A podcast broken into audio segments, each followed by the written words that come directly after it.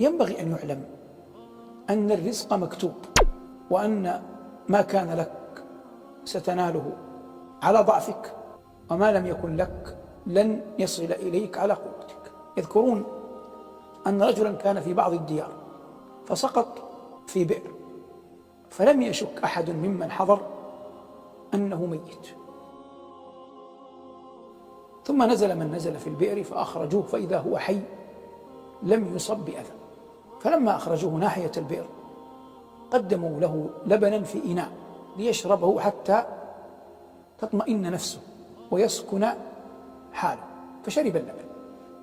فلما شرب اللبن قال له الرجال الذين أنقذوه برحمة الله كيف وقعت يا فلان؟ البئر واضحة ظاهرة.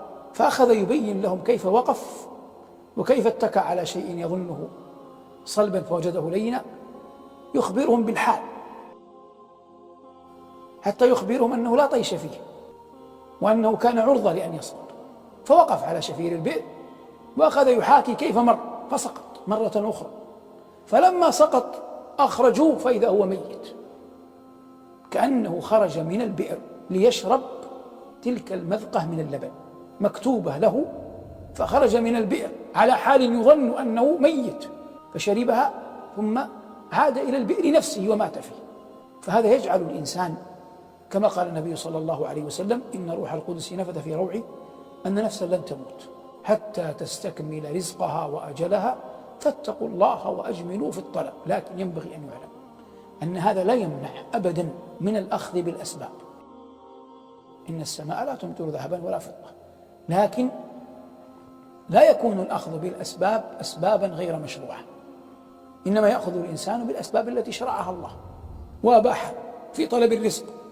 والنبي عليه الصلاة والسلام بعث عروة البارقي ليشتري له شاة بدرهمين فاشترى شاة بدرهم وباعها بدرهمين ثم إنه رد الدرهمين وأتى بشاة إلى رسول الله صلى الله عليه وسلم فدعا له بأن يبارك الله له في كل صفقة وبيع بارك الله له حتى كان يقول لو أنني بعت التراب لربحت فيه.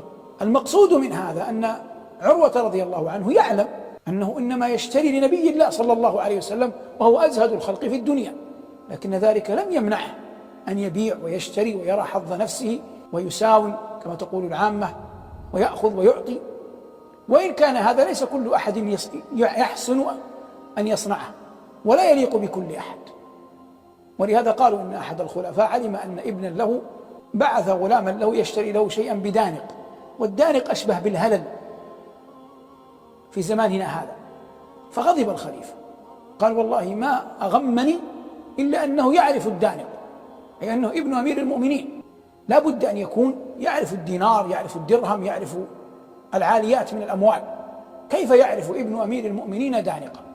المقصود هذا كله مما يستطرف في مثل هذه المسائل في الحديث عن حب الناس للمال. لكن لله جل وعلا عباد يعطون عطاء سخيا وأكثر العطاء ما يكون دلالة على سخاء صاحبه. إذا كان صاحب المال في مرحلة وسطى ليس معدودا من الأغنياء وليس معدودا من الفقراء. يدل عليه قوله صلى الله عليه وسلم وأنت شحيح تخشى الفقر وترجو الغنى فالذي يرجو الغنى ويخشى الفقر يكون عطاؤه دليلا على سخاء نفسه وعلى أنه انتصر على شهواتها. لكن مع ذلك فإن الله يقول ولا تبسطها كل البسط فتقعد ملوما محسورا لا تجد شيئا تعطيه. والناس ينبغي أن يعلم يعطون ما يحتاجون لا ما يريدون. يعطون ما يحتاجون لا ما يريدون. لأنك لو أعطيت الناس ما يريدونه منك لم يبقى عندك لم يبقى عندك شيء. على أنه ليس سيئا أن تجد من يطالبك بشيء من مالك شيء من طعامك. لكن القضية الكبرى تعظم عندما ينازعك أحد في مسألة فيها فهم مسألة عقلية ويريدك أن تخضع لرأيه وتقبل بقوله. وبعضهم يقول وهذا من مليح القول ممكن أن أقاسم الناس في طعامي أن أقسم بيني وبين السائل رغيفي أن أقسم بيني وبين السائل ما بيدي من المال لكن من ينازعني في مسألة عقلية؟ إن أعطيته عقلي ورضخت لقوله مع علمي بسفاهة قوله. أصبح لا عقل لي ومن ذا الذي يقبل أن يعيش بلا عقل؟ وهذا طريق جيد في المحاورة. ولهذا كان الفضلاء الشرفاء يكفون عن منازعة الناس مثل هذا. وإن سفاها منك أن تعلم جاهلا فيحسب جهلا أنه منك أعلم. متى يبلغ البنيان يوما تمامه؟ إن كنت تبنيه وغيرك يهدم. ويروى عن الصديق رضي الله عنه وأرضاه أنه كان يقول إذا نازعني جاهل غلبني وإن نازعني عاقل غلبته لأن العاقل يمكن أن تأخذ وتعطي معه وتصل أنت وإياه إلى طريق يقبله الطرفان. ولهذا من العقل والحكمة أن لا تجادل من يغلب على ظنك ضعف عقله وقلة رأيه. نبقى في قضايا المال. حاتم هو جواد العرب المشهور أصل للناس في هذا الباب قبل الإسلام. قال يخاطب زوجته ماوية أماوية إن المال غاد ورائع وهذا حق. ويبقى من المال الأحاديث والذكر. أماوية إني لأقول لسائل إذا جاء يوما حل في مالي النزر أي القلة. فهذا تأصيل في المسألة أن الإنسان لا يتعلق به كثيرا.